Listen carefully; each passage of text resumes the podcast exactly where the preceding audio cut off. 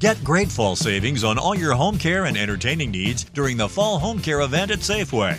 Head into Safeway and get deals on products like Clorox disinfecting wipes, Swiffer wet mopping cloths, Lysol all-purpose cleaner, Swiffer wet jet mopping pads, Mr. Clean multi-surface cleaner, or Lysol power toilet bowl cleaner. Visit Safeway.com or head into your local store for more details. Offers expire October 31st. Restrictions apply. Promotions may vary. Rising Giants Network.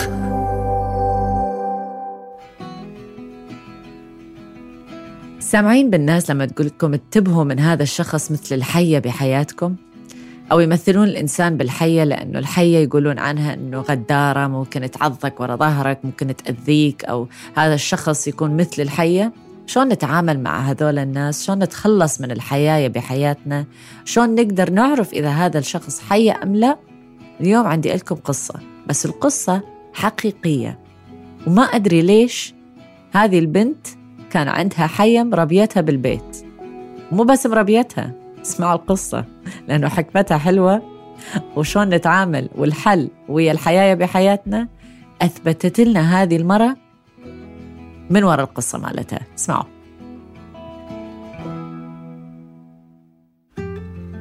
كان في مرة وهاي حقيقية القصة ربت حية بالبيت عندها قصة حب مع هالحية تربيها تلعبها توكلها وتنيمها بنفس الفراش بعد. مو أي حية حية يعني. هيومن سايز بطولها أو يمكن أكثر منها بشوية. بعد فترة هذه المرة انتبهت أن الحية متى تأكل. فكل يوم تجرب أنه تواسيها بالفراش وتجرب توكلها بس هذه الحية ما قاعد تأكل. فأخذت قررت هذه المرة أن تأخذ الحية توديها للبيطري. وتشوف شنو المشكلة؟ ليش الحية ما تاكل؟ فراحت عند البيطري قالت له المشكلة واحد اثنين ثلاثة. فالبيطري ابتسم قالها عندي سؤال. الحية تنام معاكي بالفراش؟ قالت له نعم. رجع سألها ثاني سؤال؟ قالها تمد نفسها الحية بحيث تجرب أن تمد عضلاتها حتى تصير بطولك؟ قالت إيه صح نعم. فالبيطري صفن قال يا بنت الحلال الحية اللي أنت مربيتها وحاطتها بالفراش ما بها أي مشكلة أبدا. هي بالفترة الأخيرة بدها تحضر نفسها وتجوع نفسها وتقيس جسمك وطولك حتى تجهز نفسها إنها تاكلك. انصدمت المرة طبعا وما صدقت بس هذا فعلا أو فعلا هذا الواقع من وراء الحية. بالفترة هذه جربت أن تطول نفسها بطول المرة تأخذ قياس المرة وتجوع نفسها حتى تتأكد لما تريد تأكلها تكفي بالطول وبالجسم مال الحية. فهذه المرة اللي كانت تربي وتواسيها وتوكلها. آخر شيء الحية كانت تريد تأكلها. هذه القصة بس الحكمة من وراها؟ خليني أقول لكم.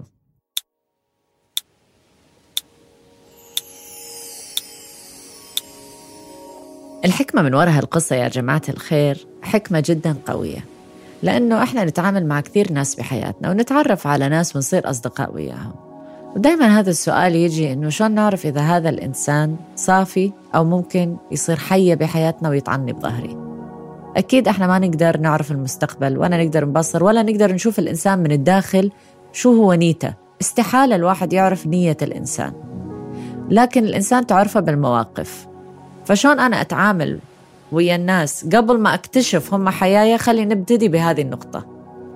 لما نتعرف على شخص ونعطيه الطيبة مالتنا ونعطيه الثقة مالتنا وكل اللي إحنا يمثلنا كإنسان صافي وطيب.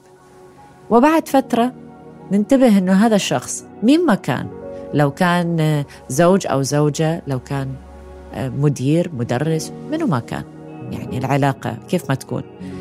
بعد فترة ننتبه أو موقف يصير ونشوف من خلال هذا الموقف أنه أخ هذا الإنسان مثل ما يقولون حية طعني بظهري أو عضني بظهري أو شو ما كان. السؤال أنه أزعل أعصب أنقهر؟ لأنه معظم الناس تنقهر مش من وراء الإنسان بس تنقهر من شيء واحد. إن أنا ساعدت هذا الإنسان أنا أعطيت هذا الإنسان حب. أنا آه، كنت جدا صافي مع هذا الشخص. ليش طعني فالسؤال دايما يرجع على ليش هذا الإنسان سوى اللي سواه بيا بعد كل الخير اللي أنا أعطيته إياه. هذا السؤال اللي راح يتعبكم. فإذا الواحد يريد يتعامل مع هذه المواقف مع هذول البني آدمين اللي تمرون بحياتنا. لازم تتذكرون شيء واحد. اللي دا يتعبكم هو السؤال اللي تسألون نفسكم. اللي هو ليش؟ ليش تعبني؟ ليش طعني؟ ليش سوى بي هيجي؟ أنا ما قصرت. ليش؟ ليش؟ ليش؟ ليش؟ ليش؟ ما حدا يتعذب إلا أنت. مش الحية اللي معك. الحية اللي معك خلاص راحت. توكلت في حياتها. فإذا تريد ترتاح اتقبل الموقف وتقبل الآخرين كما هم.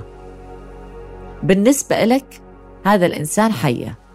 بالنسبة له هو ما سوى شيء غلط. ولا ممكن أي حية وأي إنسان يطعنك بظهرك يقول أنه هو سوى شيء غلط. ولاحظوا هذا الشيء كل اللي يطعنكم أو كل الناس اللي تطعنكم بحياتكم حتقولوا أنا ما سويت شيء غلط. ما راح يعترف بغلطه لأنه بالنسبة له وبالنسبة على بالنسبة لبرمجته وبالنسبة لحياته وتربيته هو ما سوى شيء غلط. وفكروا بها عمركم شفتوا مجرم أو أو واحد مسوي شيء غلط آه، حسب القانون؟ راح المحكمة وقال إنه صح أنا غلطت؟ لا. يقول لا عادي ما غلطت. حتى لو كاتل أحد يقول لا أنا ما غلطت يستاهل. لأنه بالنسبة له مو غلط.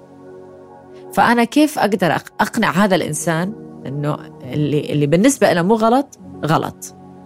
اتعب نفسك على الفاضي.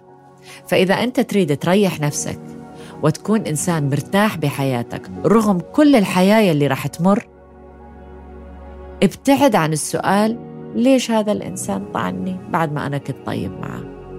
اتقبله مثل ما هو وكمل بحياتك وتعلم الدرس لأنه كل شخص الموقف يفرق. ممكن. أول شخص رح يصدمك أنه عطيتك الثقة الكاملة مية بالمية وبعدين راح كشف كل أسرارك لكل الناس.